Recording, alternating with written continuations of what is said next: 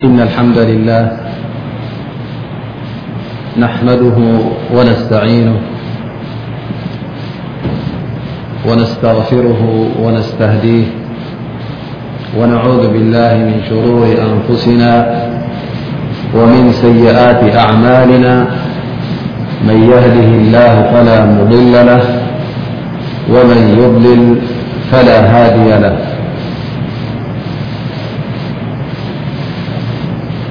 وبعد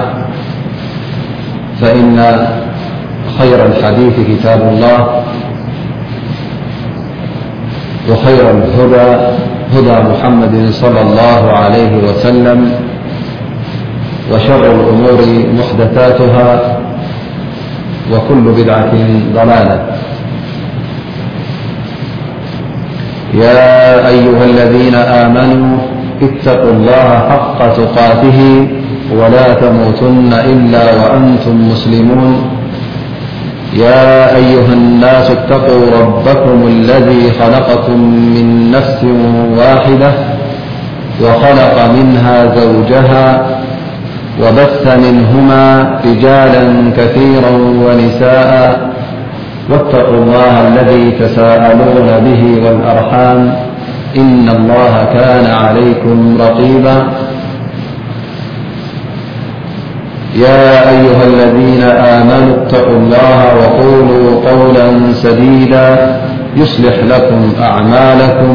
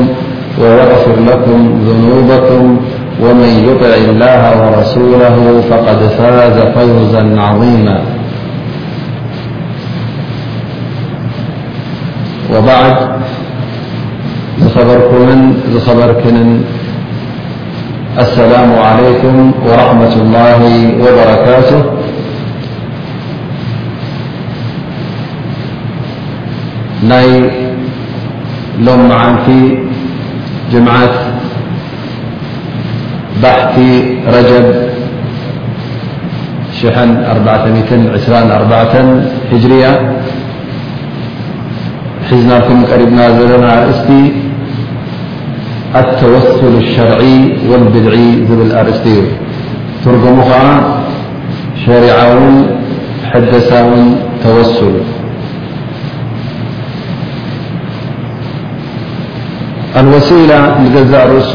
ትርጉሙ መጀመርያ ክንፈልጥ ኢና ኣብ ቋንቋ ዓረብ እንታይ ትርጉም ከም ዘለዎ ኣብ ሸርዒ ድማ እንታይ ትርጉም ከም ዘለዎ ዓይነታት ናይ ተወሱል እውን ክንደይ ዓይነት ምዃኑ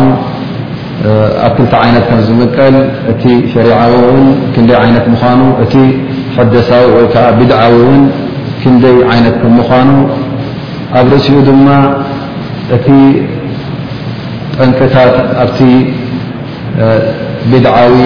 ወይ ከኣ ኣብቲ ዘይሸሪዓዊ ተወሱል ዘእትወና ጠንቅታት እንታይ ምዃኑ ብዛዕባ እዚ እንሻኣላህ ናይ ሎም መዓልት ደርሰና ክኸውን እዩ። መጀመርያ ትርጉም ናይ ወሲላ ወሲላ ክበሃል ከሎ ብቋንቋ ዓረብ ናብ ሓደ ነገር ዘቕርበካ ማለት እዩ። ዝኾነ ይኹን ዓይነት ናብ ሓደ ነገር ድሕሪ ዘቕርበካ ኮይኑ ወሲላ ይበሃል ማለት እዩ። ብትግርኛ ስመዮ መተሓላለፊ ዘሎ ወይ ከዓ ልክዕ ከም መሳልል ክትወስዶ ኣብ ንኣብነት ኣብ ዝባን ህድሞ ክዲብ እንተ ኮይንካ ወይ ካብ ዓሚቕ ቦታ ናብ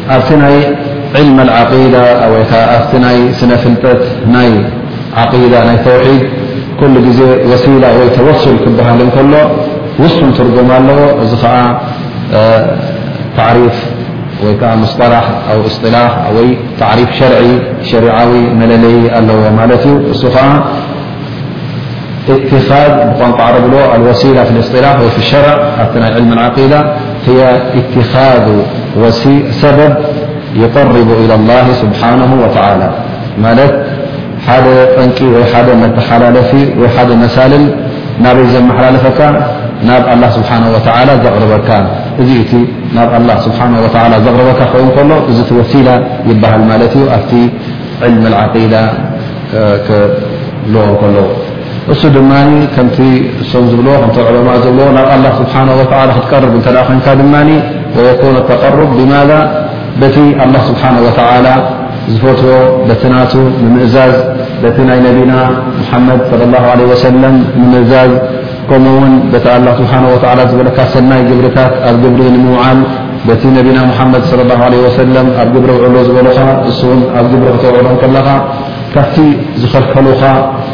ሙሓረማት ዝተባህለ ጌጋታት እውን ካብኡ ክትቁጠብ እንከለኻ እዚ ሕጂ ወሲላ ይበሃል ወይ ከኣ ናብ ኣላ ስብሓን ወተዓላ ዘቀራረበካ እዩ ማለት እዩ ናብ ኣላ ስብሓን ወተዓላ ኩሉ ዘቀራረበካ ድማ ናይ ግድን በቲ ኣላ ዝሓጎቦ በቲ ኣላ ስብሓን ወተዓላ ነቢና ሙሓመድ ስለ ላሁ ለ ወሰለም ዝሓንፀፅዎ ብኡ ይኸውን ዘለዎ ማለት እዩ ንኣብነት ከምቲ ነቢና ሙሓመድ ስ ሰለም ዝበልዎ ዳዊ መርባኩም ብሰደቃ እዚ ሕጂ እንታይ ትገብር ኣለኻ ማለት እዩ ነቲ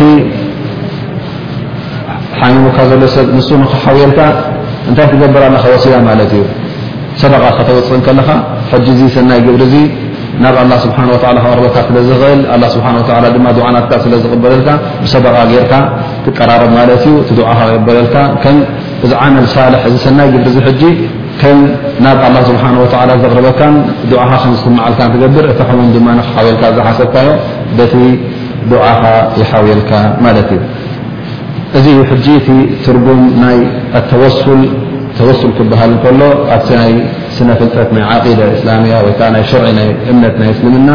እዚ እዩ ትርጉሙ ማለት እዩ ስለዚ ተወሱል ክበሃል እንከሎ ሰለስተ መኣዝን ኣለዎ ማለት እዩ። እቲ ቀዳማይ መኣዝን ኣልመተወስል ኣልመተወሰሉ ኢለይሂ እቲ ናቱ ሪዳ ትጠልብ ዘለኻ ወይ ከዓ እቲ ክትቀርቦ ሓሲብካ ዘለኻ ማለት እዩ። እሱ ከዓ ኣላህ ስብሓነ ወተዓላ እዚ ሓደ ማለት እዩ። ካልኣይ መኣዝን ናይዚ ተወሱል እዙይ እቲ ተወሱል ዝገብር ዘሎ ኣይ ኣልመተወስል እቲ ወዲ ሰብ ደዒፍ ዝኾነ ድኹም ዝኾነ ወዲ ሰብ ካብ ኣላ ስብሓን ወተላ ሪዳ ዝጠልብ ዘሎ ካብ ኣላ ስብሓን ወተላ ረብሓ ዝደሊ ዘሎ እንተ ጉድኣት ኣለዎ ኮይኑ እውን እዚ ጉድኣት እዚ ንክላቀቀሉ ይኹን ስለዚ እቲ ባርያ ናይ ኣላ ስብሓን ወተላ ድኻ ስለ ዝኾነ ኩሉ ነገራቱ ካብ ኣላ ዝጠልቦ ረብሓ ይኹን ንክረክብ ወይ ጉድኣት ንክነጥል ስለዚ እዚ ሕጂ እቲ ካልኣይ መኣዝን ማለት እዩ። ቀዳማይ እቲ ኣላ ስብሓን ወተላ እቲ ክትቀርቦ ሓቲትካ ዘለኻ፣ ካልኣይ እስኻ እቲ ክትቀርብ ሓሲብካ ዘለኻ ማለት እዩ። ሳልሳይ መኣዝን ናይዚ ተወስሉ እዚ እንታይ ይኸውን ማለት እዩ? ኣልሙተወሰላ ብሂ እቲ ናብ ኣላ ስብሓን ወተላ ንኸቀራርበካ ኢልካ ሒዝካዮ ዘለኻ ጠንቂ ወይ ነገር ይኹን ዝኾነ ይኹን ዓይነት ዘቀራርበካ ማለት እዩ። እዚ ዘቀራርብ እዚ ምናልባሽ ቃል ክኸውን ይኽእል እዩ፣ ተግባር ክኸውን ይኽእል እዩ፣ እምነት ክኸውን ይኽእል እዩ ዝተፈላለየ ኣሎ ማለት እዩ ግን እዚ ጉዳይ እዚ ወይ ከዓ ዝነገር እዙ ሳልሳይ መኣዝን ይኸውን ማለት እዩ እቲ ናብ ኣላ ስብሓን ወተላ ዘቀራርበካ ማለት እዩ ስለዚ እቲ ወሲላ መሽሩዓ ክትርከብ ተደኣ ኮይና እዘ ሰለስተ መኣዝን ክርከብ ኣለዎን ማለት እዩ ቀዳማይ ነገር እቲ ክትቀርቡ ሓሲብካ ዘለኻ መን እዩ ኣላ ዲ ካልእ ሸሪዓ ናይ ሸሪዓ ክኾን ከሎ ኣላ ክትቀርቡ ሓሲብካ ዘለኻ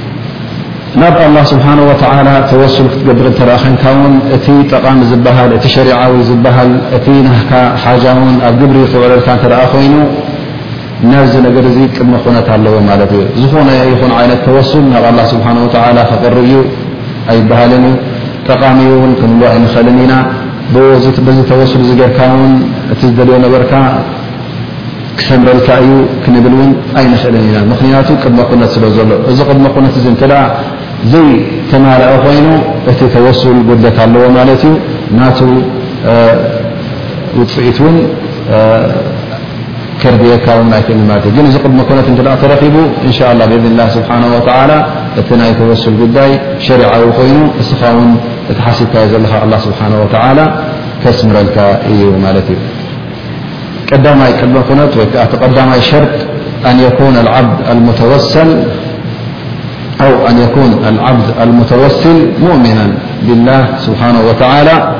صالحا مخلصا لله سبحنه وتعلى ت الله سبنه ول قرب ر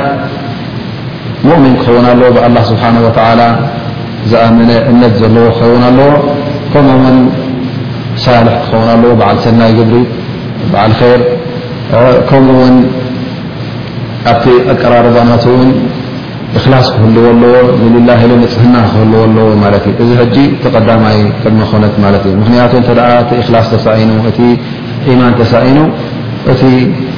ጉዳይ ጉድለት ይርከቦ ኣሎ ማለት እዩ። ሓንቲ ካብቲ ቅድመ ኮነት እንተ ጎዲላ ድማ ክፈርስ ይኽእል ማለት እዩ እቲ ትገብሮ ዘለኻ ተወሱል። ካልኣይ እቲ ግብሪ ናብ ኣላህ ስብሓን ወተዓላ ክተቀርቦ ኣለኻ ትካ ዘለኻ ድማ ካብቲ ኣላህ ስብሓን ወተዓላ ዝሸረዖ ክኸውን ኣለዎ ድኣ እምበር ባዕልኻ ክትምህዝ የብልካን ማለት እዩ እቲ ሓሲብካዮ ዘለኻ ናብ ኣላህ ስብሓን ወተዓላ የቕርበኒ ወሲላ ኢልካዮ ወይ ከዓ መቀራረቢ መተሓላለፊ እዩ እትብሎ ዘለኻ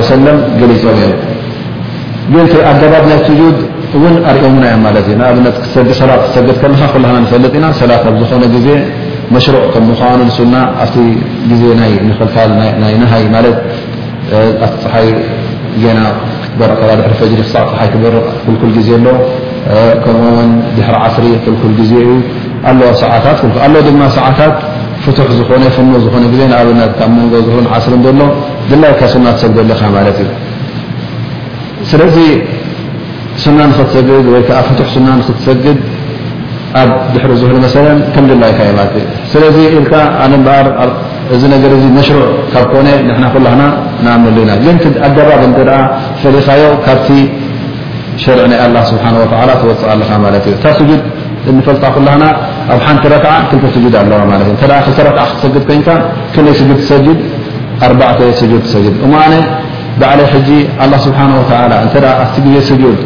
ዱዓይ ዝቕበለለይ ኮይኑ ኣብ ክንዲ ክልተ ረክዓ ምስ ኣርባዕተ ስጁድ ዝገብረን ክልተ ረክዓ ክገብረን እየ ግን ሽዱሽተ ስጁድ ዝገብረለን እየ መታን ዝያደ ኣጅሪ ክበዝሓለይ እቲ ዱዓ ድማ ክንውሓለይ እተ ትብል ኮንካ እንታይ ትገብር ኣለኻ ማለት እዩ ሓድሽ ዓይነት ሰላት ምሂዝካ ማለት እዩ ስለዚ እቲ ኣጋባብ እውን ልክዕ ከምቲ ነቢና ሙሓመድ ለ ላ ለ ወሰለም ዘፅንሑልካ ከምኡ ጌርካ ክትፍጽሞ ኣለካ ደኣ እምበር ባዕልኻ ኣገባብ ክትሕድሰሉን ክትምህዘሉን የብልካን ማለት እዩ። ኣይተጉድል ኣይትውስኽ ኣይትነኪ ባዕልኻ ድማ ኣይትምሃዝ እዚ ቀንዲ ክንፈልጦ ዘለና ቅድመ ኩነት ይኸውን ማለት እዩ። ስለዚ እዚኣ እየ ድማ እታ ኣብ ቁርን ዘላ ኣያ ብዛዕባ ወሲላ ትዛረብ እዚ ወሲላ መሽርዕ ከም ምዃኑ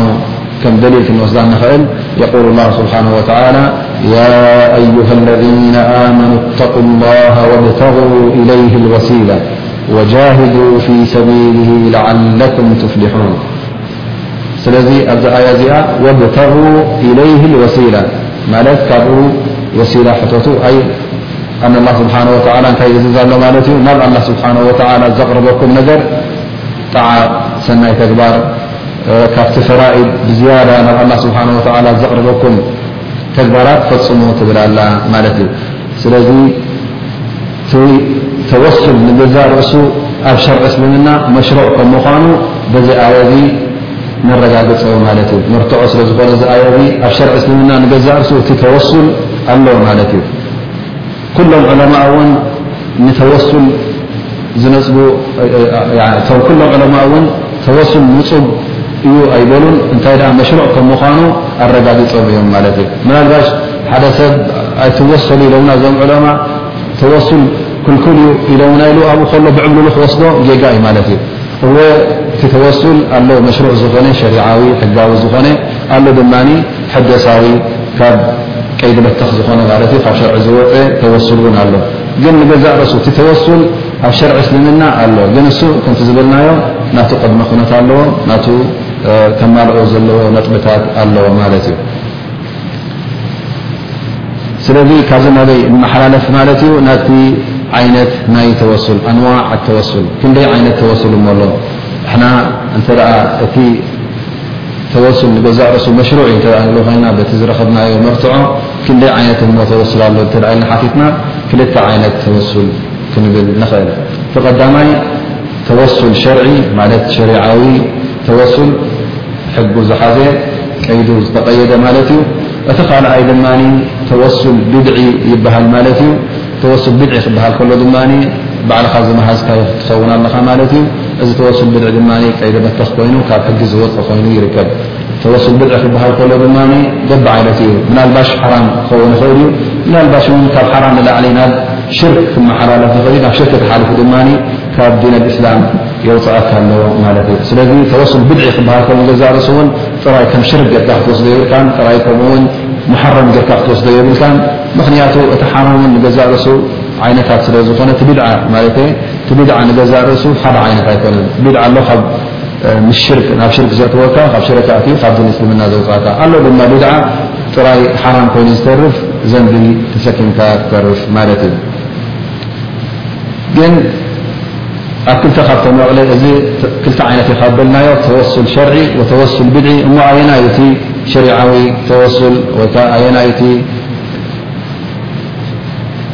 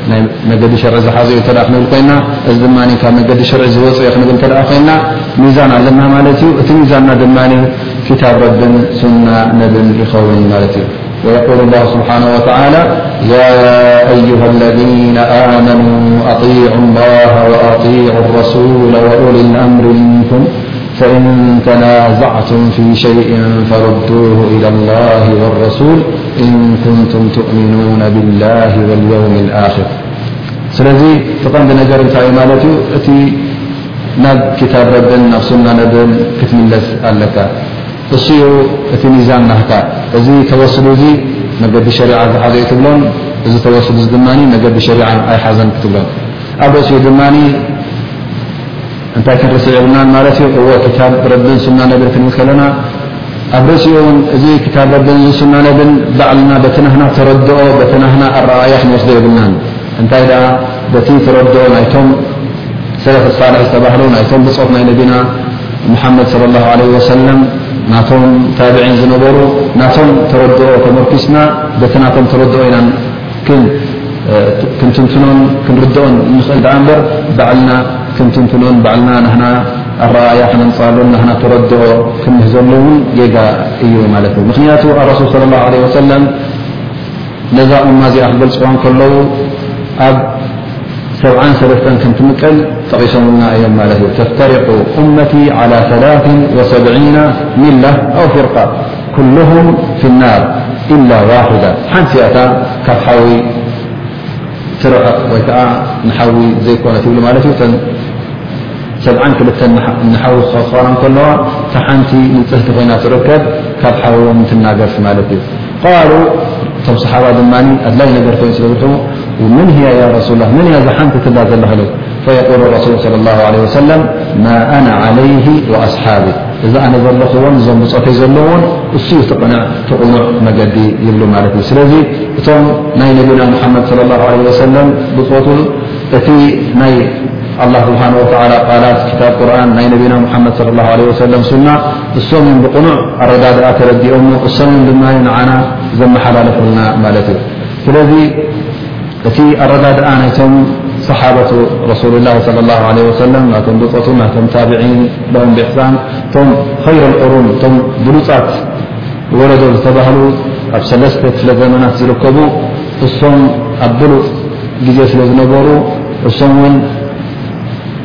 ኑር ንቡዋ ብርሃን ናይቲ ንቡዋ ስለ ዝበፅሖም እሶም እዮም ከመሓላልፉልናን ከፅንሑልናን ትቕኑዕ መገዲ ዝኽእሉ ማለት እዩ ስለዚ ንሕና ነቲ ናይቶም صሓበት ረሱል صለ ላه ለ ሰለም ኻሰተ ብሕልፊ ኣብቲ ናይ ዓቂዳ ካብቲ ናቶም ፍንትት ክንብል የብልናን ማለት እዩ ስለምንታይ ኢና ፍንትት ዘይንብል እዚ ሕጂ ሰለስተ ነጥብታት ንረክብ ትሕቲ እዩ ማለት እዩ ቀዳማይ ነገር እዞም ሰሓበት ረሱል ሰለላሁ ዓለይሂ ወሰለም እዞም ብጾት ናይ ነቢና ሙሓመድ ሰለላሁ ዓለይሂ ወሰለም እቲ ቁርኣን እቲ ወሓይ ናብ ኣላህ ስብሓነሁ ወተዓላ ክወርድ እንከሎ ውዒሎሞ እዮም። ነቢና ሙሓመድ ሰለላሁ ዓለይሂ ወሰለም ነቲ ኣያታት እውን ቀሪኡሎም እዩ። እንታይ ትርጉም ከም ዘለዎን እንታይ ማዕና ከም ዘለዎን እንታይ ክረድኦ ከም ዘለዎምን ኣረዲእዎም ማለት እዩ። እቲ ሰበብን ኑዙል ምኽንያት ናይዚ ኣያ እዚ ዝወረደሎ እውን እፈልጥዎ እዮም ማለት እዩ። ስለዚ እዚ ናይ ዋሓይ እዚ ከመይ ገይሩ ኣብ ግብሪ ከም ዝወዓለ ስለዝወዓልዎን ስለ ዝነገርዎን ከምኡ እውን ኣበየናይ ሰዓት ወሪዱ ኣበየናይ ኩነት እዩ ተረኺቡ እዚ ኩሉ ነገራት ስለ ዝረኣይዎ እሶም እዮም ብዝያዳ ዝፈልጥዎ ማለት እዩ። ስለዚ ንሕና ካብቲ ናቶም ተረድኦ ክንወፅእ የብልናን ማለት እዩ። ከምኡ እውን ካልኣይ ነጥቢ እቶም ሃዋርያት ናይ ዝኾነ ነቢ እቶም ብጾት ናይ ዝኾነ ነቢ እስቶም እዮም ብዝያዳ ነቲ ናይቲ ነቢ ናይቲ ነቢ ናቶም እቲ ብጻዮም ዝተባህለ ብዝያዳ ዝርድእዎን ዝፈልጥዎን ማለት ምክንያቱ እቲ ነቢ መዋእሉ ዝነብር ነቢ የለን እነከ መይቱን ወእነሁም መይቱን ኣይ ኣረሱል ስ ሰለ መይት ወእነሁም መይቱን ኩላህና ውን ክንመውት ኢና ማለት እዩ ስለዚ እቲ ዲን መን እዩ ዘመሓላልፈና እቲ ነቢ ነዊሑ ሓፂሩ ዕድሚኡ ከም ነብይላህ ኑሕ መሰለን ትሽዓተ ሚእትን ሓምሳን ዓመት ይኹን ወይ ከዓ ከም ነቢና ሙሓመድ ስለ ላሁ ዓለይሂ ወሰለም ኣብ ስሳታት ይኹን እቶም ብድሕሪኡ ዘመሓላልፉ እሱ ምስ ሞተ መን እዩ ዘመሓላልፎ እቶም ናቱ ሓዋርይ ሃዋርያት ዝበሃሉ ወይ ከዓ እቶም ናቱ ብፆት እሶም እዮም ዘመሓላልፉና ስለዚ እሶም እዮም እቶም ዝእመኑ ማለት እዩ እሶም እዮም እቲ መልእኽቲ ተሰኪሞም ናባና ዘመሓላልፉ እንተ እሶም ዘይፈልጥዎ ነገር ኮይኖም ከመይ ጌርና ሕና ንፈልጦ? እቶም ዝወዓለዎን እቶም ዝነበሩዎን እቶም ናቱ ብጾት ተባሂሎም እቲ መልእኽቲ ኩሉ ክብ በለ ንዕኦም ሂብዎም እንከሎ ካብ መን ኢና እሞ ከነምፅኦ? ንዕኦም ገዲፍናስ ካብ መን ኢና እሞ እዚ ዝፈልጥ እዩ እዚ ይፈልጥ እዩ ኢልና ክንመሚ ንኽእል? ስለዚ እቶም ሰሓበት ረሱል ስለ ላ ሰለም እሶም እዮም ብዝያዳ ቅኑዕ ተረድኦ ዘለዎም ብዛዕባ ናይቲ ዓቂዳ ከምቲ ዝበልናዮ ማለት እዩ።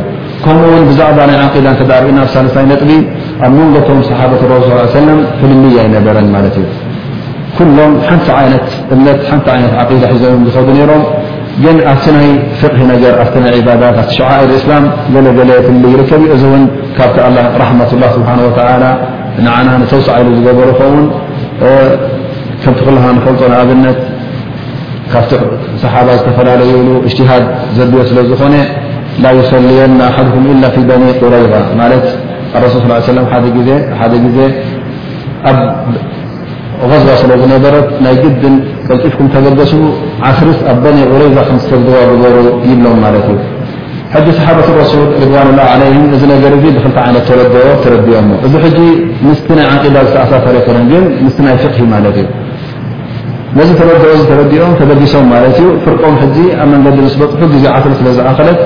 ክንሰግድ ኣለና ዓስሪ ከይትሓልፈና ይብሉ ማለት እዩ እቶም ፍርቆም ድማ እንታይ ይብሉ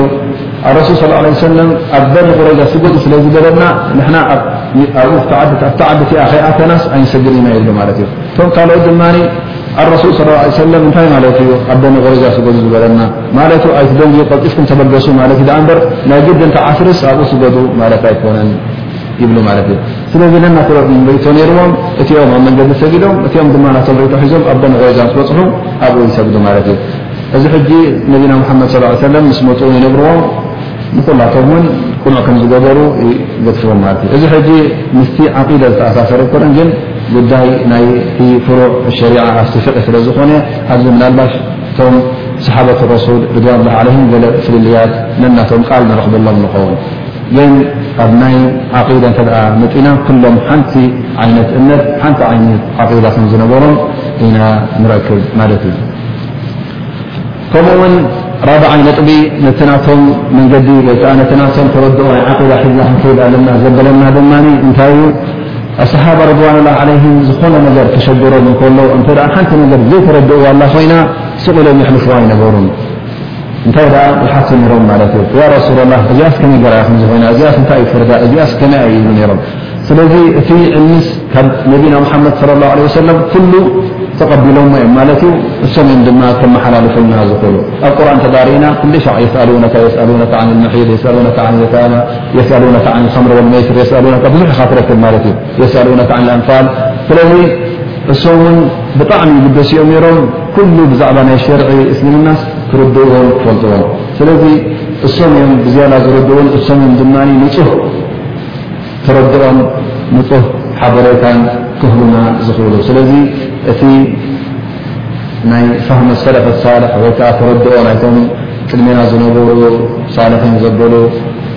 ሰሓበት ረሱል ስ ላ ሰለም ኣልቁሩን ሙፈضላ እተን ብሉፃት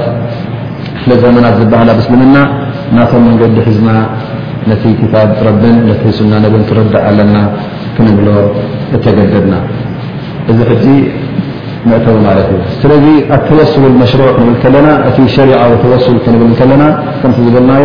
ቀንዲ ነገር በቲ ክታብ ረብን ሱና ነብን ቀጥ ክንብል ኣለና ማለት እዩ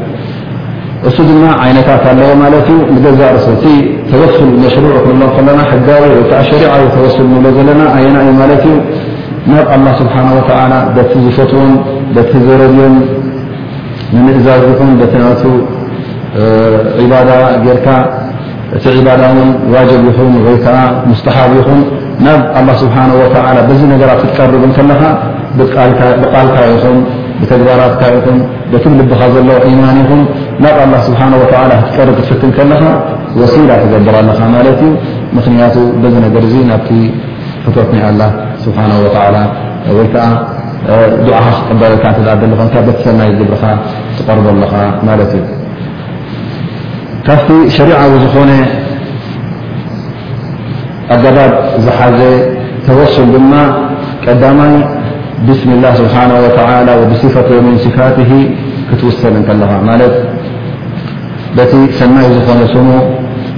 ስም ናይ ኣላህ ስብሓነሁ ወተዓላ ኣስማት እውን ብዙሕ ተስዓን ትሽዓተን ሽም ዘለዎ እዩ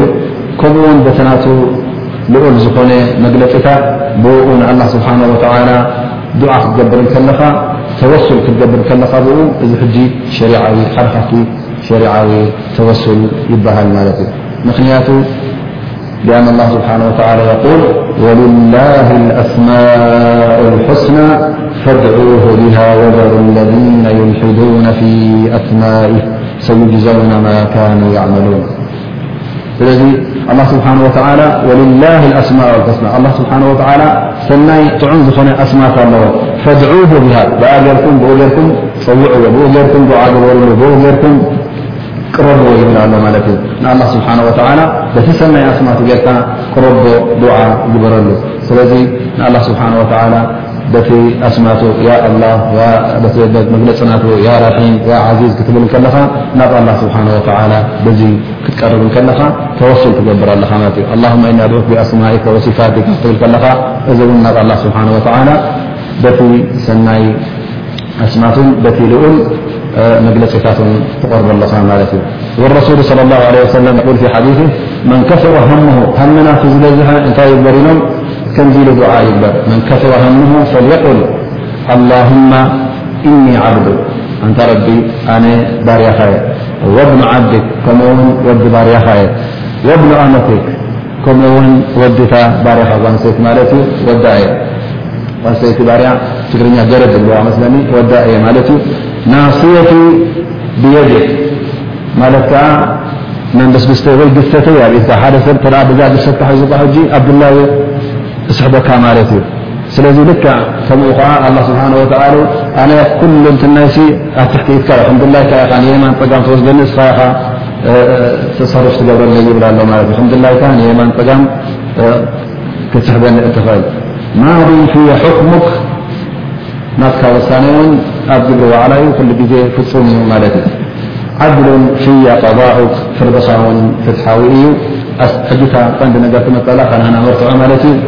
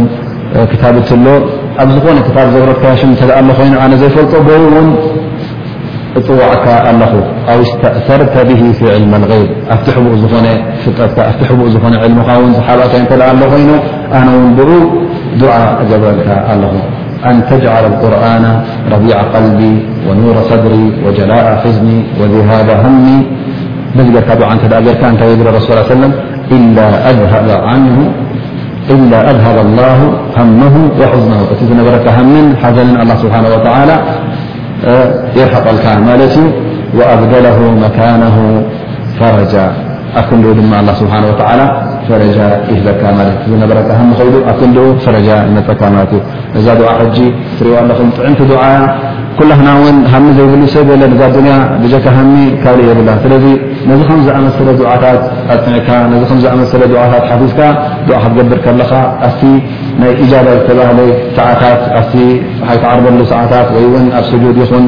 ወይ ውን ንመካ ከድካ ኣብ ግዜ ጠዋፍ ኣብ ረመዳን ኣብ ግዜ ኢፍጣር ኣሎ ኣብቲ ሰዓታት ኢጃባ ዝተባህለ ነዚ ከምዚ ዝኣመሰለ ዱዓታት ክትደጋግም ከለኻ ኣላህ ስብሓነ ወተዓላ ካብቲ ዘለኻዮ ሃምን ካብቲ ዘለኻዮ ደይቕን ሓዘንን የውፅኣካ ማለት እዩ ስለዚ እዚ ሕጂ ሓደ ዓይነት ካብቲ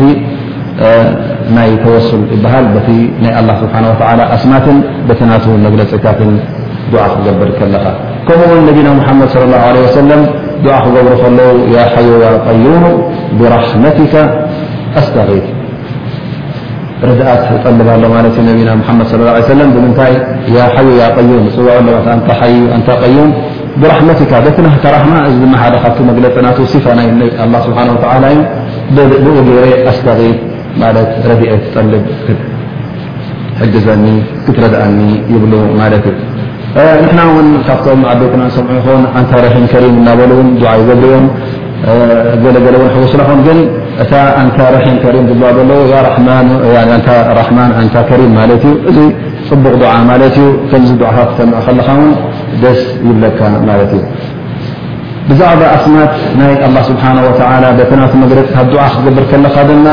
እንተመረጥካ ዝበለፀ እዩ ዝብሉ ማለት እዩ ስም ኣስማት ፅቡቕ ኣስማት ምስ ትደበ ዘለካ ድዓ ዝሰማማዕ ምስኡ ዝሰማማዕ መግለፂታት መሪፅካ ድዓ ትገብር ማለት እዩ ንኣብነት እንተ መቕፊራ ትሓትካ ኣለካ ኮይንካ እቲ ናይ መቕፊራ ዘሎ ኣስማት ያ ፉር ፊር ትብል ኣንታ ፋረ ዝኑብ ያ ፊረ ዘም ፊር ትብል ማለት እዩ እንተ ራሕማ ትጠልብ ኣለኻ ኮይንካ ድማ ያ ራሕማን ያ ራሒም እርሓምኒ ኢልካ ምስኣ ከተኣሳስራ ማለት እዩ እንተ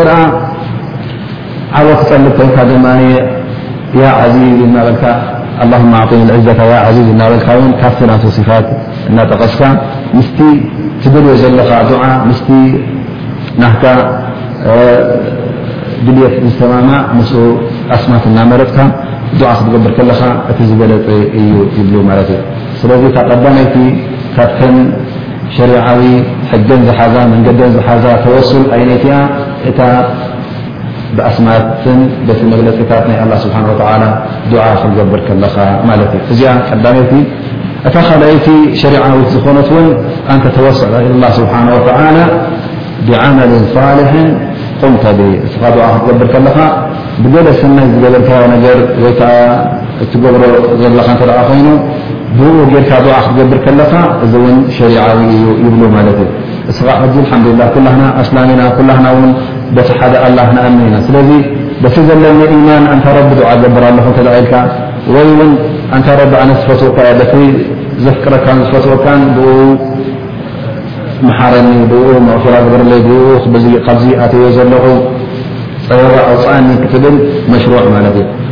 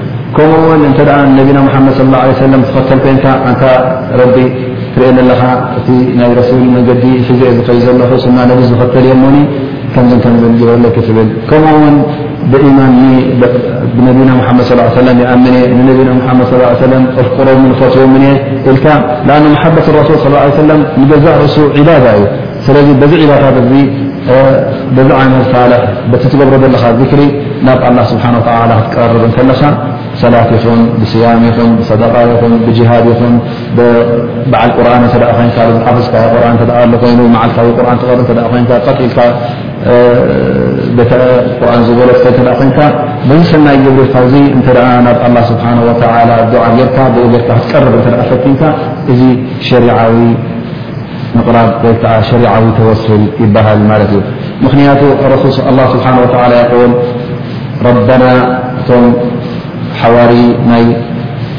ሰይድና ዒሳ ብዝበልዎ እንታይ ይብሉ ማለት እዩ ረበና ኣመና ብማ ኣንዘልተ ወተባዕና ረሱላ እዚ ሕጂ እንታይ እዩ ግብሪ እዩ ኣመና ብማ ኣንዘልታ ይብሉ ኣለዉ ረበና በቲ ዘውረድካዮ ኣየታት ኣሚንና ኢና ወተባዕና ረሱላ ከምኡው ነቲ ልኡኽ ናህታ ተኸትልናዮ ኢና እሞ እንታይ እዩ ካብ ሕጂ ታ ዱዓናኩም ትመፅ ማለት እዩ ፈክቱብና ማዓ ሻሂዲን ምስቶም ብሓቂ ዝመስከሩ ምስቶም ሓቂ መንገዲ ሒዞም ዝመስከሩ ምስኦም ግበረና ይብል ኣሎ ማለት እዩ ስለዚ እንታይ ገብርሎ ማለት እዩ እቲ ኢማን ናቶምን እቲ ናይ ነቢ ምኽታሎምን ናይ ረሱል ምኽታሎምን ንዕኡ ኣንፂፎም ብኡ ገይሮም ናብ ኣላ ስብሓን ወተዓላ ይቐርቡ ኣለዉ ማለት እዩ ልክዕ ከም መሳልል ወሲዶሞ ማለት እዩ ስለዚ ኣላ ስብሓን ወተዓላ ድማ ይቕፍረሎም ከምኡ ውን ክንርስዖ ዘይንኽእል ኣሎ እቲ ሓዲ ኣከባ ተናፈርቶም ሰለስተ ሰባት ካብ በኒ እስራኤል ሓደ ግዜ ናኸዱ ከለዉ ማይ መፅዎም ኣብ በዓቲ ኣትዮም ኣብ በዓቲ ምስኣተዎ ውን ኣብኡ ከለዉ ገጃፍ እምኒ መፅያ ነዛ ኣፍ ደገ ናይ በዓቲ ዕፅው ተብል ኣላ ማለት እዩ ምስ ተዓፀወት መውፅኢ ስኢኖም ካብዚኣስ ብጀካ ኣላ ዘውፅኣና የብልናን እሞ እንታይ ንግበር ኸላስ ንረ ሰናይ ግብሪ ዝገብርናዮ እተኣ ኣሎ ኮይነ ቅድሚ ሕጂ ንዕኡ ብኡ ገርና ናብ ኣላ ስብሓን ወተላ ድዓ ንግበር ላዓል ኣላ ስብሓን ወተላ ካብዛ ኣትናዮ ዘለና ጭንቂ የውፅዐና ካብዛ መፅያትና ዘላ ፀበባ ውን የርህወልና ይብሉ ማለት እዩ ስለዚ ኩሎም ድዓ ክገብሩ ጀሚሮም እቲ ቀዳማይ እንታይ ብዛዕባ ወለዱ ባር ንዕኦም ይምእዘዞም ስለ ዝነበረ ብዛዕባኦም ገይሩ ማለት እዩ ቅድሚ ሕጂ ኣላ እንታ ረቢ ኣነስ እቶም ወለደይ ይምእዘዞምን እፈትዎምን እየ ነይረ ወላ እውን ነቶም ደቀይ ገዲፈ ነቶም ኣቦይን ነቶም ወለደይ ንዕኦም እየ ቀዳምነት ዝህብ ነይረ ይብል ማለት እዩ ሓደ ግዜ ካብ በረኻ ኩሉ ግዜ ፀባ ሓሊበ መጀመርያ ደቀይ ከይሃብኩ ከለኹ ስድራይ ከይሃብኩ ከለኹ ንዕኦም እየ ዘስትዮም ነይረ ሓደ ግዜ ግን ደንጉየ ስለ ዝመፃእኩ ደቂሶም ፀኒሖምኒ ሓሊበ እውን ከስትዮም ምስ መፃእኩ ከተስኦም ደቂሶም ስለ ዝረኣኹዎም ከደቅሶም ከተስኦም ደስ ኣይበለንን። እቶም ደቀይ ጠምዮም እንከለዉ ዋጭዋጭ እናበሉ ንዕኦም እጽበዮም ነይረ ማለት እዩ። ምስ ተስኡ እውን ተሲኦም መጀመርያ ንዕኦም ኣስተዮም ድሕሪኡ ነቶም ደቀይ ሂበ። እዚ ነገር እዚስ ኣንታ ረቢ ንዓኻ ክፍቱን ቃል ናህካ ንኽሰምዕን ገይረ እንተ ኮይነስ ተቐቢልካ እንተ ኮንካ እዛ ዘለናያ ጸበባ ካብዛ ዘለናያ ጭንቂ ኣውጽኣና ኢሉ ዱዓ ይገብር ማለት እዩ። እታ እምኒ ቁሩብ ፍንቀቕ ትብሎ ኣለዉ ማለት እዩ። ብድሕሪኡ እቲ ካልኣይ ድማ ዱዓ ይገብር። እዚ ሕጂ በቲ ሰናይ ገለ ዝገበሮ ናይ ቢረል ዋሊዴን ናይ ወለዱ ምምእዛዝ ገይሩ ማለት እዩ። እቲ ድማ ይብል ኣነስ ኣንታ ረቢ ቅድሚ ሕጂ ከምቲ ትፈልጦ ጓል ሓወቦይ ነይራትኒ እዛ ጓል ሓወቦይ እውን እፈትዋ ነይረ ማለት እዩ ግን ንሳ ንዓይ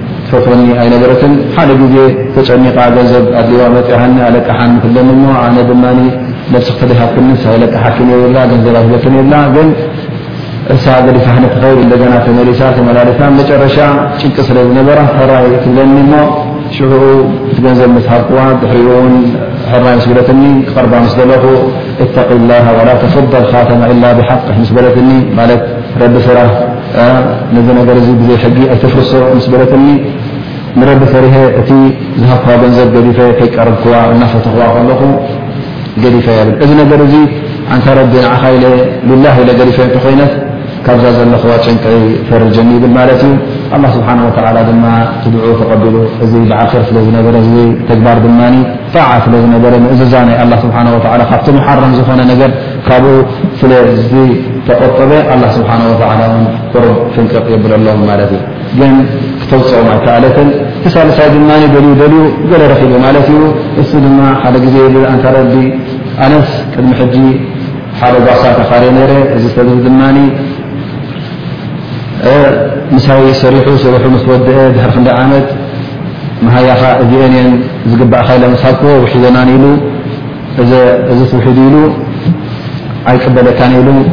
ገዲፉኒ ከይዱ ኣነ ድማ እተን ናቱ ናቱ ስለ ዝኾና ምስ ትማለይ ከይሕውሰን ኢለ ንበይነን ገዲፈየን እተን ድማ እፋረያን ይበዝሓን ነይረን ድሕሪ ክንደይ ዓመት ይመፀኒ ማለት እዩ እሱ ድማ መፅኡ እብለኒ ኣንታ ሰብኣይ ረቢ ፍራህ መሰለይ ኣይትፀፈኒ እቲ ሓቀይ ሃበኒ ምስ በለኒ ንዓ ኢለ ንዓ እዚ ሩባ ትሪኦ ዘለኻ ኪኖ ዘለዋ እተን ኩለን ጥሪት ናትካ እየን እብሎ። ከምዚ ምስ በልክዎ እንታይ ኢኻ እኳ ትጻወት ኣለኻ ቅድሚ ሕጂ ጥቕሚ ዘይብለን ሂብካኒ ተሓሲመየን ከይደ ሕጂ ድማ ክላገጸለይ ዲኻ እዘን ኩለን ሩባ መሊኤን ዘለዋ ጥሪት ውሰደን ትብለን ይብሎ። እወ ይብሎ ኣነ እተን ዝተሓሰምካየን እተን ገዲፍካየን ዝኸድካ ተዋሊደን ተፋርየን እዚ ኩሉ በዚሓናልካ ኣለዋ ስለዚ እዚ ኩሉ ናህካ እዩ እሞ እንተ ትወስዶ ኮይንካ ውሰዶ ይብሎ ሓንቲ ከይገደፈለይ ኢሉ ኩሉ ሒዝዎ ይኸይድ ኣነ ውን ኣይተቃወምኩዎን ኣንታ ረቢ እዚ ነገር እዚ ዝገበርክዎ ሊላህ ኢለ ንዓኻ ፈትየ ገንዘብ ሰብ ከይበልዕ ኢለ ንዓኻ ንምእዛዝ ኢለ ዝገበርክዎ እንተ ኮይኑ ኣንታ ረቢ ካብዛ ዘለናያ ፀበባ ፈርጀልና ይብል ማለት እዩ እታ ተፃቢባ ዝነበረት ፍረጅ ድማ ንሰለስቲኦም በብሓደ ክወፅኡ ከም ዝኽእሉ ይኾኑ ማለት እዩ እዚኦም ሕጂ ሰለስተ ሰባት በቲ ሰናይ ተግባራት ናቶም በቲ ዓመል ሳልሕ ዝበሃል በቲ ኣላ ስብሓን ወተላ ዝማእዘዞም በቲ እቲ በቲ ናይ ብረ ልዋልደን ምእዛዝ ናይ ወለዱ እቲ ከዓ በቲ ናይ ካብ መሓረም ካብ ዚና ካብ ዝመዋ ዝረሓቀ እቲ ድማ ገንዘብ ሰብ ከይበልዐ ሓቁ ብምልኡ መሰሉ ኣኪብሉ ፀኒሑ ሓልወሉ ፀኒሑ በዘን ሰለስተ ነጥብታት ካብዚ ፀበባ እዚ ይወፅእ ማለት እዩ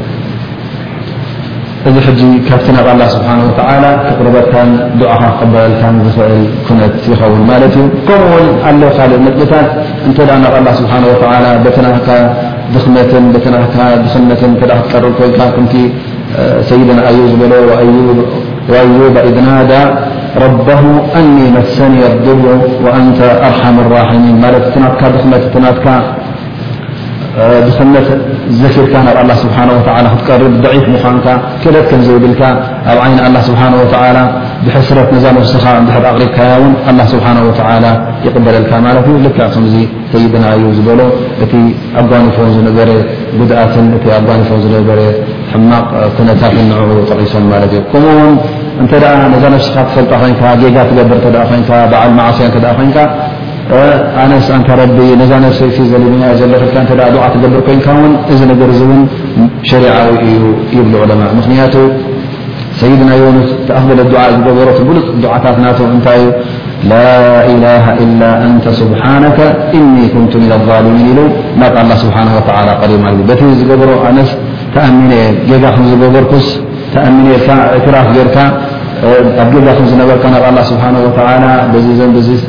ተኣምን'የ ኢልካ ክትቀርብ ከለኻ ውን እዚ ሕጂ ናብ ኣላህ ስብሓነሁ ወተዓላ ከቕርበካ ይኽእል ማለት እዩ። መቸም እዚኣ ሕጂ እታ ቀዳመይቲ ነጥቢ'ያ ማለት እዩ ወይ ከኣ እታ ካልኣይቲ ብዓመል ሳልሕ በቲ ሰናይ ተግባራት ናብ ኣላህ ስብሓነሁ ወተዓላ ክትቀርብ ከም እትኽእል። ሳልሳይ ሸሪዓዊ ዝኾነ ውን መገዱ ዝሓዘ ክንብሎ ንኽእል ናብ ኣላህ ስብሓነሁ ወተዓላ ተወኩል ክትገብር ከለኻ ብዱዓ፣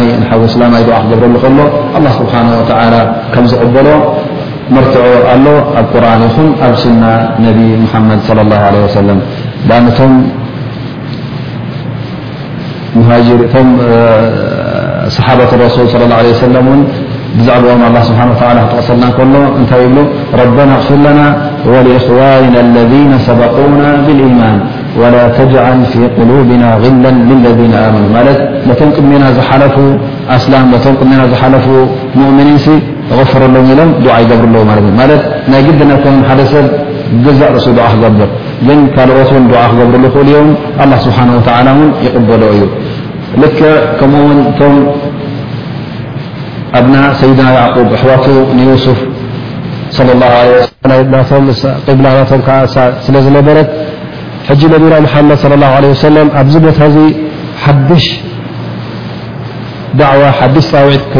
ክካየድ እንተደኣ ኮይኑ እዚ ኩሉ ዘሎ ድማ ናይ ምስልታት እዚ ኩሉ ናይ ሽርክ እዚ ኩሉ ዓይነታት ናይ ግዝኣት ናይ ዒባዳ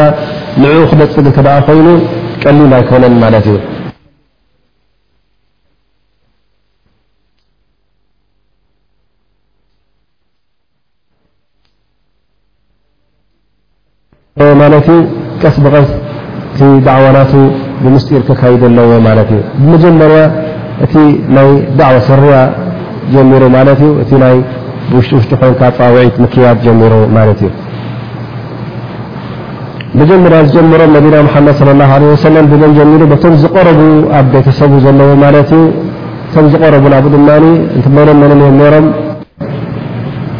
እቲ ዝገበርዎ በደል ምስ ረኣዩ እንታይ ገይሮም ማለት እዩ ናብ ኣቦኦም መፅኦም ቃሉ ያ ኣባና እስተغፍር ለና ذኑበና እና ኩና ኻጢን ናብ ኣቦኦም መፅኦም ኣንታ ኣቦና እቲ ዝገበርናይ ጌጋ ፈሊጥና ኣለና እሞ ካብ ኣላ ስብሓን ወተላ ምሕረት ዕተከልና ኢሎም ንኣቦኦም ተዛሪቦም ማለት እዩ እቦኦም ድማ ነብይ ነይሩ ሳልሒ ነይሩ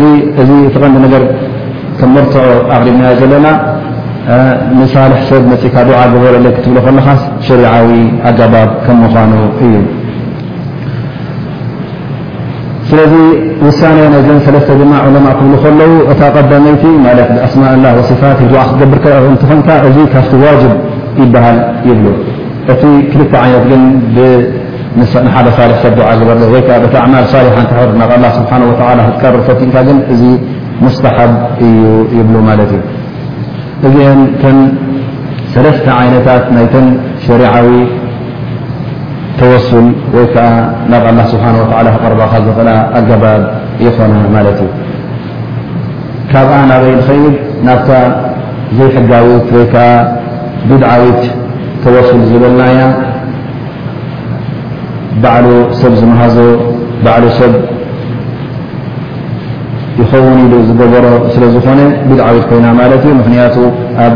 ክታብ ረቢ ይኹን ኣብ ሱና ነቢ ስለ ዘይረኸብናዮ ዑለማ ድማ ተወስሉ ብድዒ እንታይ እ ተረኣ ክብሉ ኮይኖም እሱ ናብ ኣላ ስብሓን ወተላ በቲ ዘይሸርዖ መንገድን በቲ ዘይፈትዎ መንገድን በቲ ዘይደልዮ መንገድን ብኡ ጌርካ ናብ ኣላህ ስብሓን ወተዓላ ክትቀርብ ክትፍትን እንከለኻ ተግባር ይኹን እምነት ይኹን ቃል ይኹን በዚታት እንድሕር ተቐርብ ኮይንካ እዚ ሕጂ መገዲ ዘይሓዘ ቢድዓዊ ተወሱል ይበሃል ይብሉ ምኽንያቱ ከምቲ ዝበልናዮ ተወሱል ካብቲ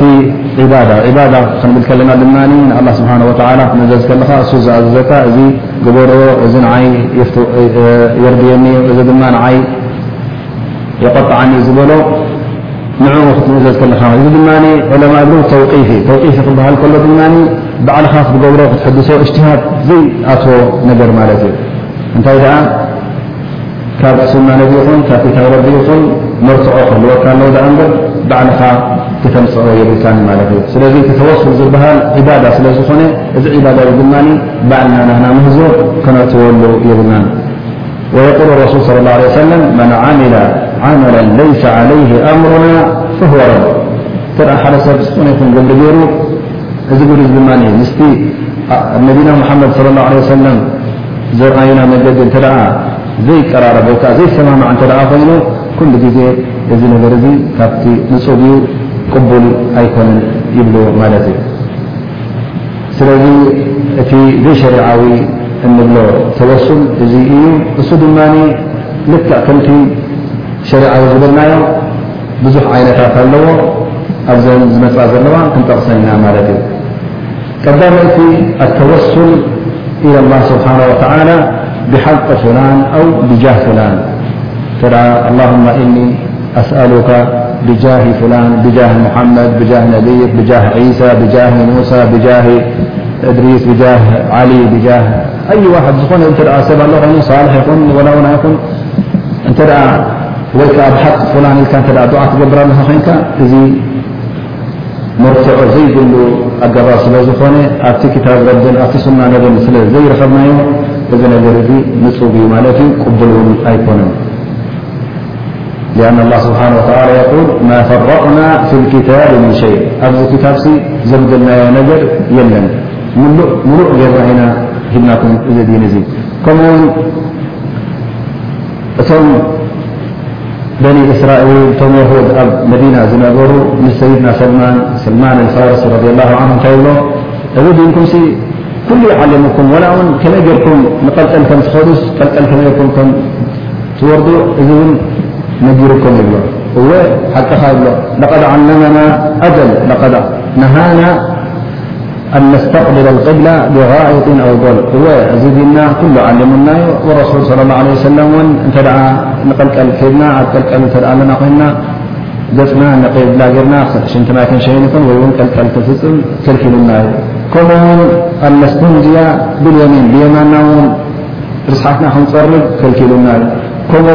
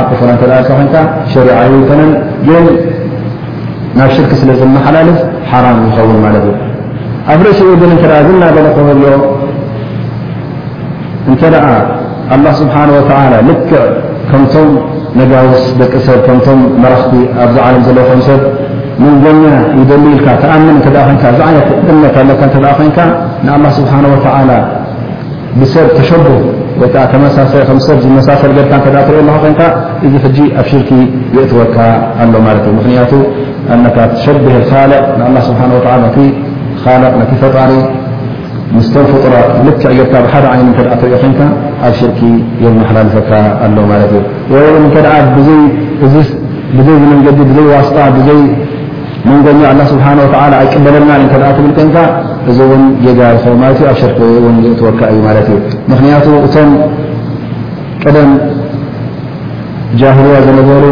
ብዛዕባ ናይቶም ኣስናም ክሕተቱ ከለዉ ማ ናዕቡድም ኢላ ሊዩቀርቡና ኢላ ላሂ ዙልፋ ዮም ዝብሉ ነይሮም ንሕናስ ናብ ኣላ ስብሓን ወላ ከቕርቡና ብዝያዳ ኢና ንዕኡን ንግዛእ ዘለና እምበረ እቲ ቐንዲ ኣላ ከም ምዃኑ ንፈልጥ ኢና ይብሉ ነይሮም ማለት እዩ ስለዚ እንተ እሶም ብዘይ ብኦም ናብ ኣላ ክቐርብ ኣይክእልኒ እተ ትብል ኮንካ እዚ ሕጂ ጠንቁ ብርቱዕ ከም ምዃኑ ክትርዳእ ኣለካ ማለት እዩ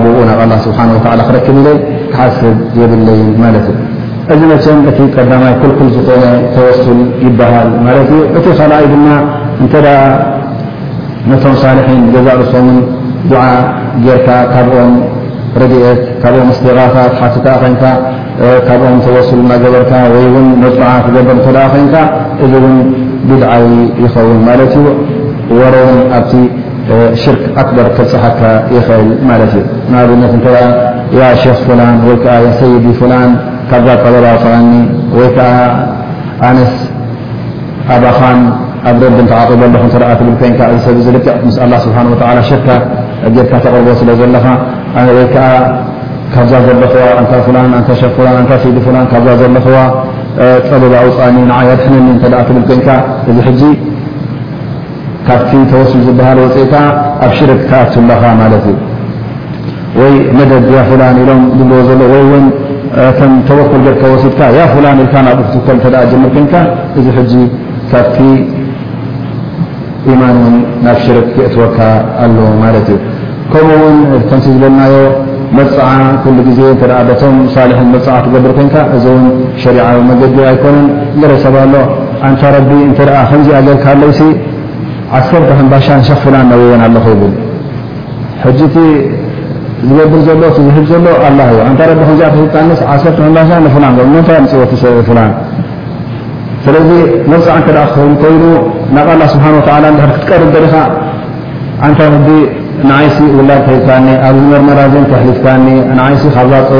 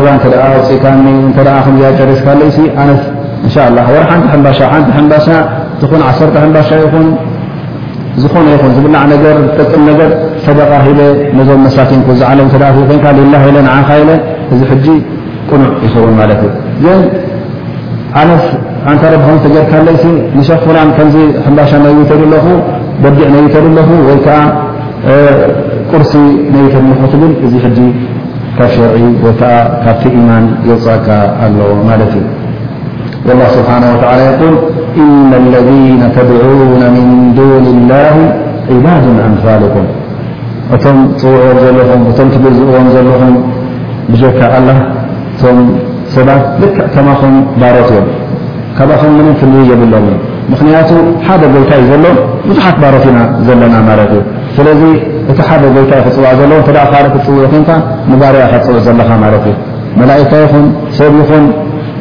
ነብይ ይኹን ሳልሕ ይኹን ወል ይኹን ዝኾነ ይኹን ይኹን እዚኦም ኩሎም ኣብ ዓይኒ ኣላ ስብሓን ወተዓላ ባሮት እዮም እዎ ንገሊኦም ዝያዳ ይፈትዎም እዩ በዓል ሰናይ ግብሪ ስለ ዝኾነ ንገሊኦምን መሪፁ ሪሳላ ስለ ዝሃቦም ይፈትዎም እዩ እዚ ዘጠራጥር ኣይኮነን ግን ካብካ ባርነት ስንቲ ተወድን እዮም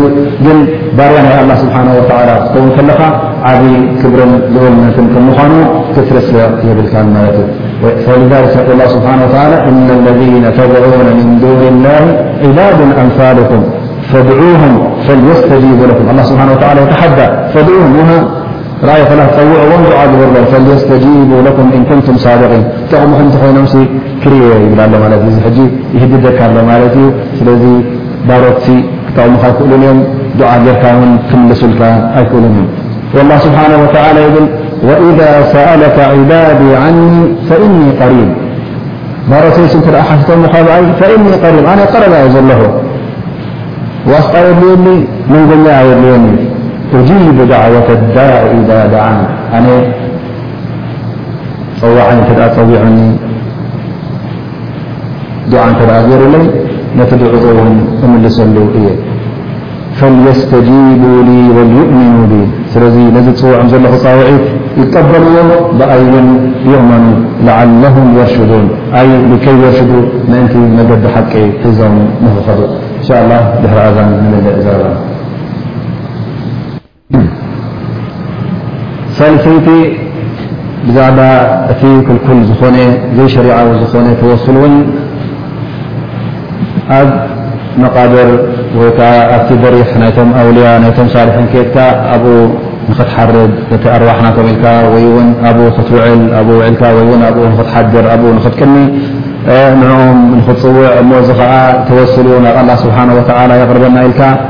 እንተደኣ ትርኢ ኮይንካ እዚ እውን ናብ ሽርኪ ዘብጽሕ እዩ።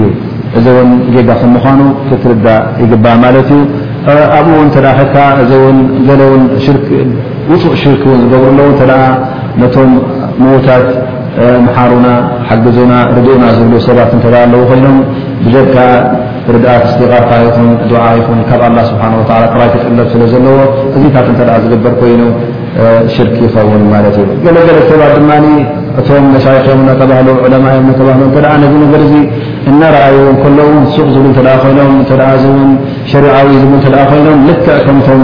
ዝገብርዎ ዘለዎ እዮም ዝሕሰቡ ማለት እዩ ምኽንያቱ ወላ እውን ኣይግበር እተ እቕራር ገይሩሎም ንኦም ውን ቅቡል ምኳኑ እናረኣዩ ከሎ ሱቕ ዝብል እተ ኮይኑ ዳርጋ መስኦም ይኣትሎ ማለት እዩ ምኽንያቱ እተ ክብ ኮይና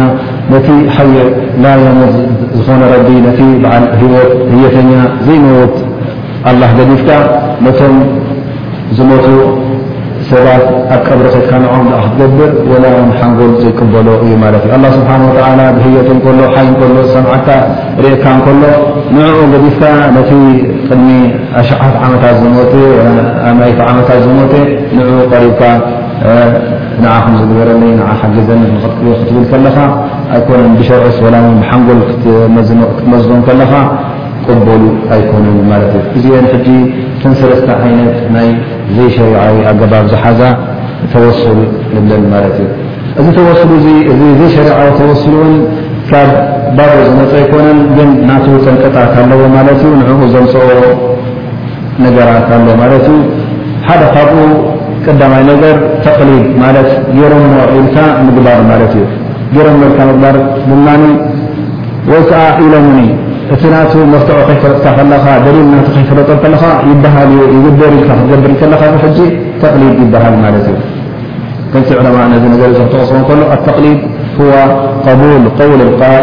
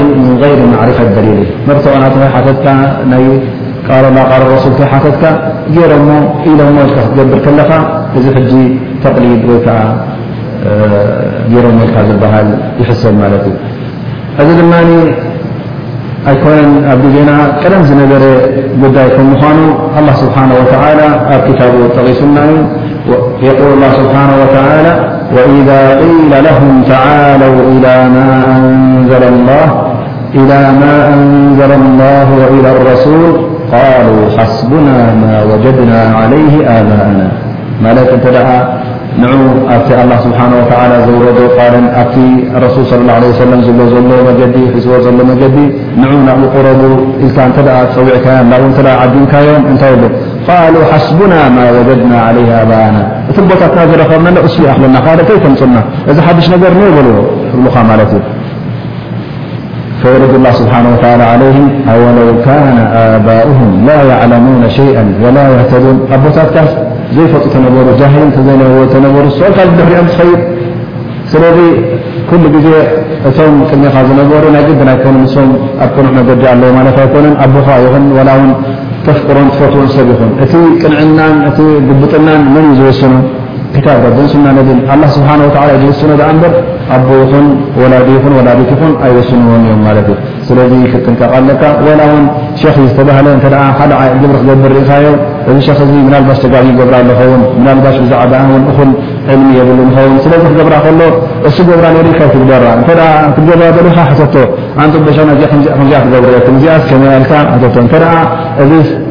ኣብ ክታብ ኣሎ ኣብ ሱና ነብሎ ረፉ ዝገበርዎ እተ ዝብለካ ኮይኑ መርትዖ እተ ኣለዎ ኮይኑ ትቕበሎ ማለት እዩ እተ መርትዖ ዘየሉ ኮይኑ ኣንታ ወደ ንድዒክና ውን እቶም ኣቦታትና ክገብሩ ፀኒሖምና እተ ዝብለካ ኮይኑ ሰላሙ ዓለይኩም ክትብለካ ስለዚ ስኻውን ኣይትሕተትን ኢኻ ኣላ ስብሓን ወተላ ዘይትፈልጦ ነገር እውን ዘይገበርካ ስለምንታይ ዘይገበርካ የብለካ ሳሕ ዕልሚ ትሓቕካ እቲ ዕለም ትፈልጥ ኣለካ ግን ዘይትፈልጦ ነገር ውን ክትጥሕሶ ወይ ከዓ ኣብኡ ክትኣቱ የብልካ ከምኡ ውን ሰይድና እብራሂም ነቶም ምስልታት ዝግዝኡ ዝነበሩ ምስ ሓተትዎም እንታይ ኢሎም መሊሶም ማ ሃذ ተማثር ለቲ ኣንቱም ሃ ዓኪፉን ኢሎም እንታይ እ ዘም ምስልታት እዚ እዚአን ወይ ከዓ እዘም ምስልታት ትግዝእዎም ዘለኹም ንኦም ኣብኦም ትኸቡን ካብኦም ድዓ ጌርኩምን መንፍዓ ይኹን ወይ ከዓ ጉድኣት እናገፈልኩም ትሓፍቱ ይብልዎም ማለት እዩ እንታይ ነይሩ መልሶም ቃሉ ወጀድና ኣባእና ለሃ ዓብዲን ሶም ሓንቲ መልሲ ነብሮ እንታይ ኣቦታትና ንኦም ግዝኡ ፀኒሖምና ንሕና ውን ንግዛእ ኣለና ስለዚ መርትዖ የብለውን ማለት እዩ እዚ ሕጂ ካብቲ ዓብ ጠንቂ ማለት እዩ እንተ እቶም ኣቦታትካ ዘይሸሪዓዊ ዝያራ ክገብሩ እተዳሪኻዮም ዘይሸሪዓዊ ዒባዳ ክገብሩ እተ ርእኻዮም እሶም ገብሩ ኣለዉ ኢልካ ቅኑዕ እተዘይከውን እሶም ኣይመፅንሑናን ኢልካ ክትዛረብ ይብልካን ማለት እዩ ቅኑዕ ኩሉ ግዜ ብኦም ኣይኮነን ፀንሕ ቅኑዕ ኣብ ክታብ ረቢ ኣሎ ቅኑዕ ኣብ ስና ነብ ኣሎ ግን ወዲ ሰብ ከም ወዲ ሰብ መጠን ክጋገ ክእል እዩ ፍልጠት ክገብሎ ይኽእል እዩ እዚታት ስለ ዘሎ ክትጥንቀቕ ኣለካ ማለት እዩ ስለዚ ተቕሪብ ወይከዓ እቲ ሰብ ገርዎ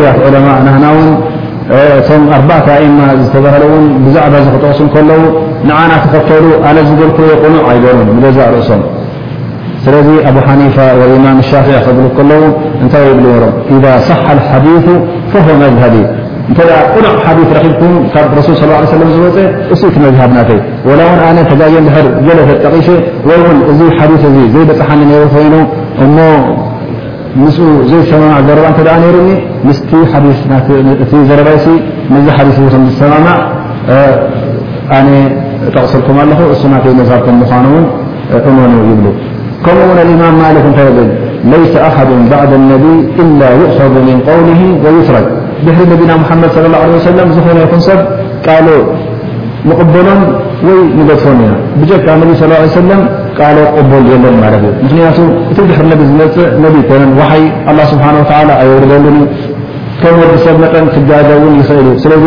እቲ ኩሉ ግዜ ክንክተሎ ዘለና ነቢና ድኣ እምበር ነቢና ሙሓመድ ስለ ላሁ ለ ሰለም ኢና ድኣ እምበር ንዝኾነ ይኹን ሰብ ክንክተል የብልናን ማለት እዩ። ከምኡ ውን ኣልእማም ኣሕመድ እብን ሓንበል ይብል መን ረዳ ሓዲስ ረሱሊ ላሂ ሰለ ላሁ ዓለይሂ ወሰለም ፈሁወ ዓላ ሸፋ ሃለካ እቲ ሓዲስ ናይ ረሱል ስ ሰለም ንኡ ዝነጥብ እዚ ልክዕ ኣብ ገምገም ናይ ህልቀት ከም ዘሎ ክረጋገፅ ኣለዎ ይብሉ ማለት እዩ። እታ ቀዳመይቲ ጥንቂ ናብዚ ዘይሸሪዓዊ ተወሱል እተእቱ እንታይ ኢና ኢልና? እቲ ገይረሞ ኢልካ ምግባር፣ ተቅሊድ ክትገብር ከለኻ ማለት እዩ። ካልኣይቲ ድማ ንገለ ገለ ኣያትን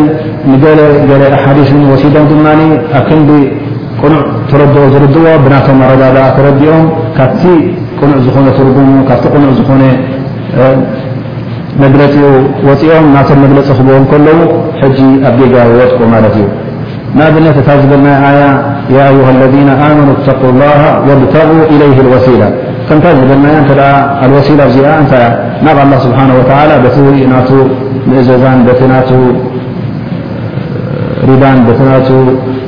ፍቶትን ክትቀርቦ ከም ዘለካ ነገር ግበረ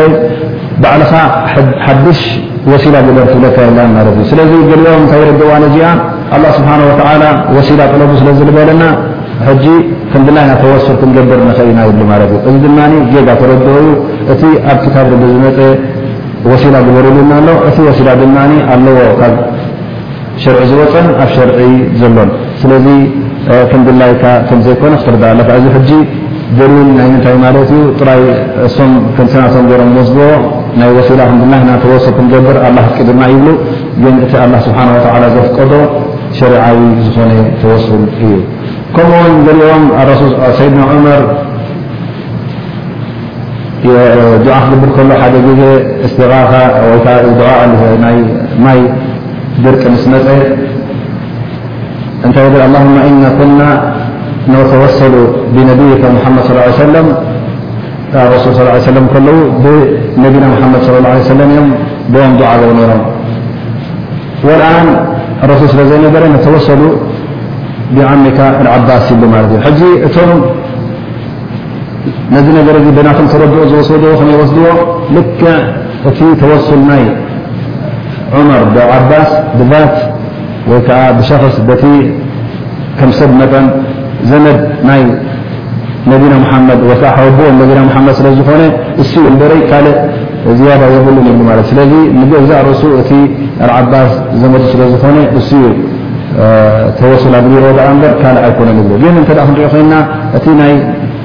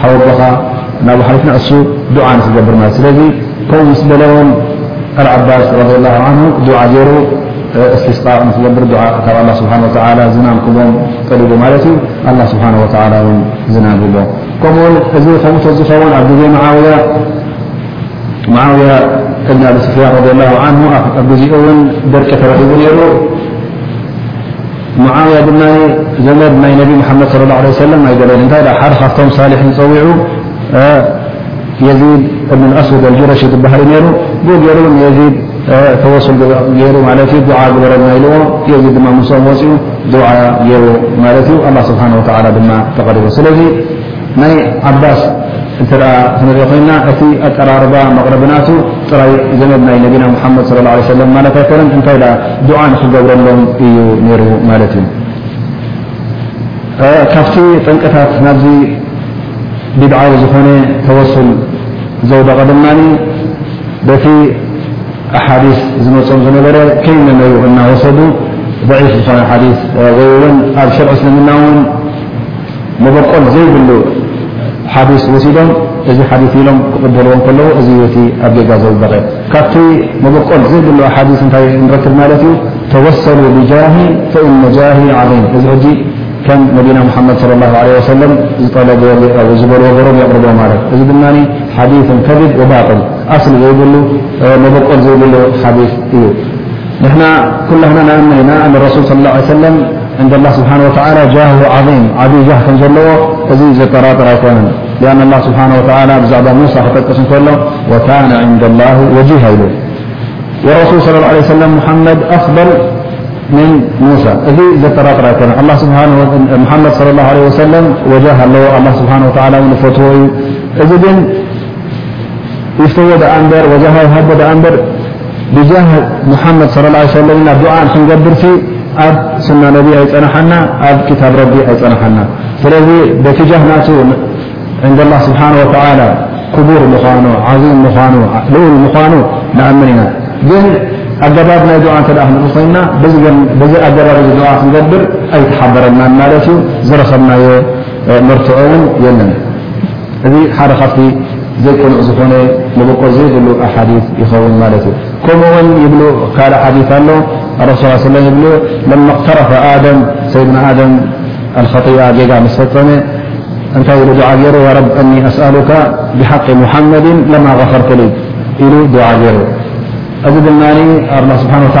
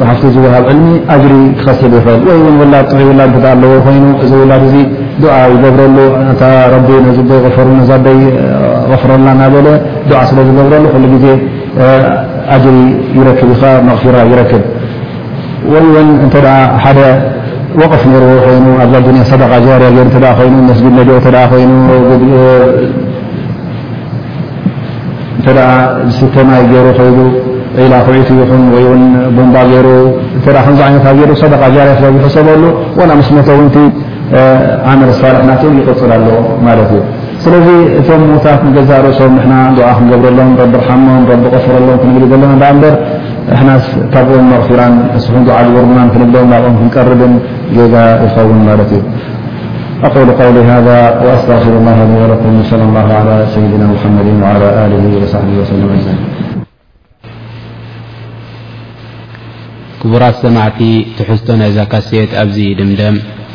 እምበኣርከስ ክቡራት ኣሕዋት ቅድሚ ሕጂ ዝወጽኣ ካሴታት ናይ ትግርኛ ኣዝዩ ብዙሕ እዩ። ካብኣተን ንምጥቃስ ከምዚ ዝስዕብ ይኸውን። ኣህምየት ኣልኣምር ቢልማዕሩፍ ወናሂ ዓን ልሙንከር ብዶክተር በያን ሳልሕ፣ ኣኽጣእ ሻኢዓ ብዶክተር በያን ሳልሕ፣ ኣስባብ ሴዐة ርዝ ብር ያን محبة النبي - صلى الله عليه وسلم بدكتر بيان صالح الإيمان يصنع الأعاجب بشيخ برهان سعيد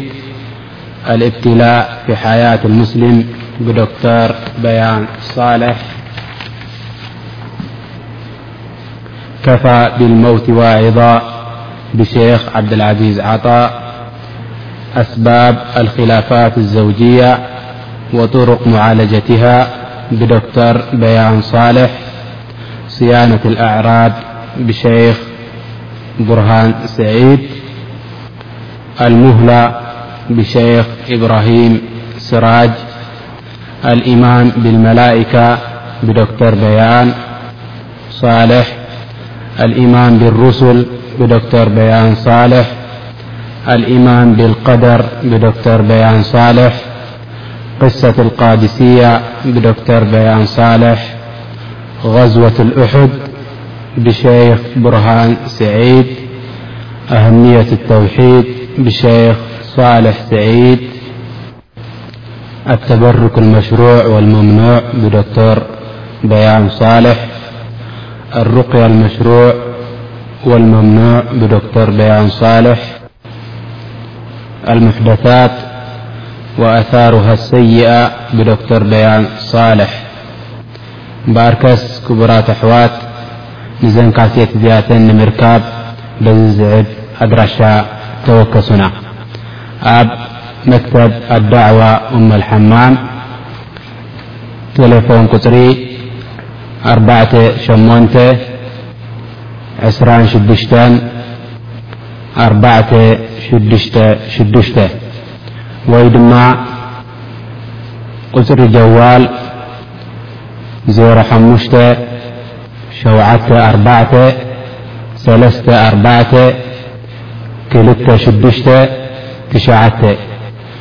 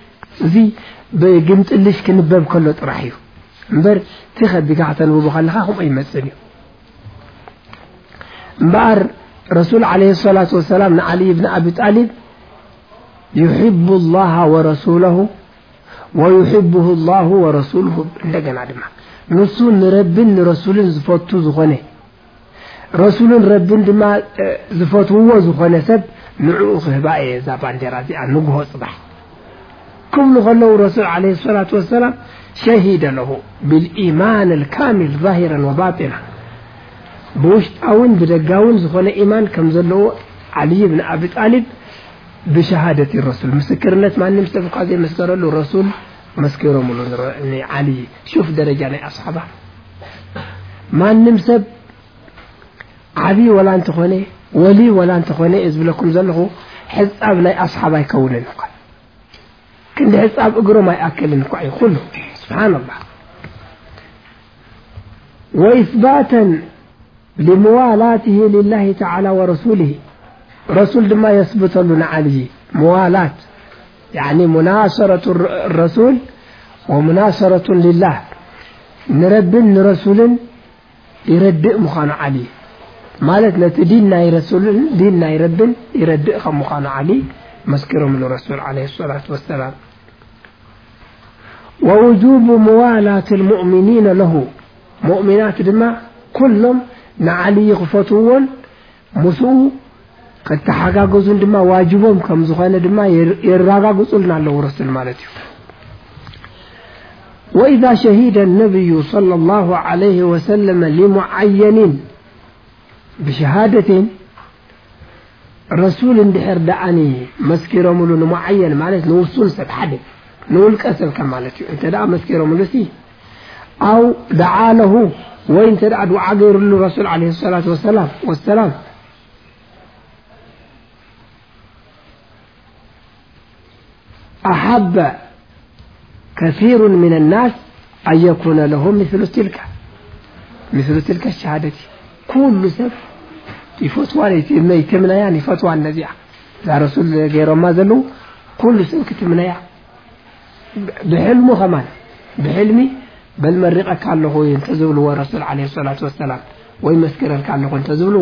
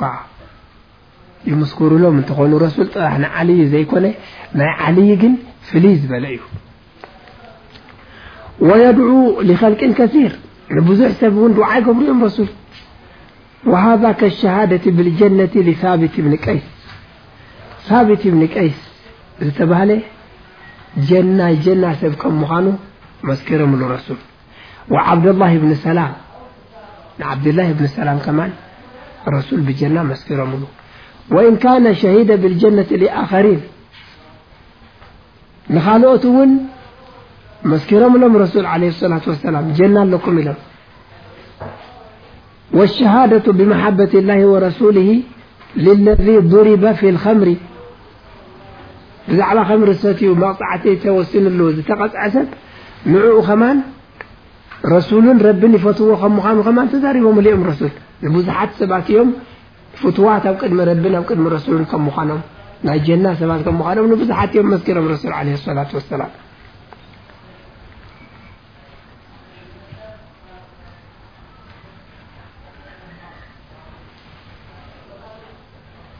እዚ ሳቢት ብን ቀይስ ዝተባህለ ዝመስከሩሉ ረሱል ዓለይሂ ሰላቱ ወሰላም ቃለ ለሁ ነቢዩ ሰለላሁ ዓለይሂ ወሰለም ሁወ ምን ኣህሊ ልጀነት ኢሎሞ